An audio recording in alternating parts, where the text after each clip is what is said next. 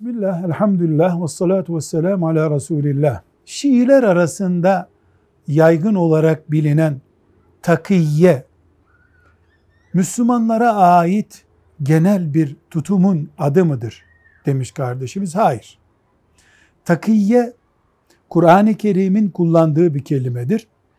Dara düşmüş Müslümanın kafire karşı uygulayacağı saklanma politikasının adıdır savaş durumuna aittir.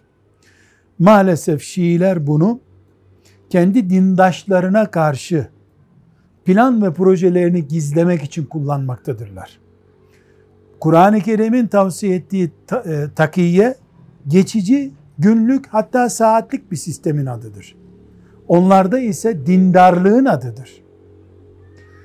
Müslümanlık takiyeyi sıkıştığında Müslümanın kafirden korunmak için kullanca, kullanabileceği yöntem olarak koymuştur.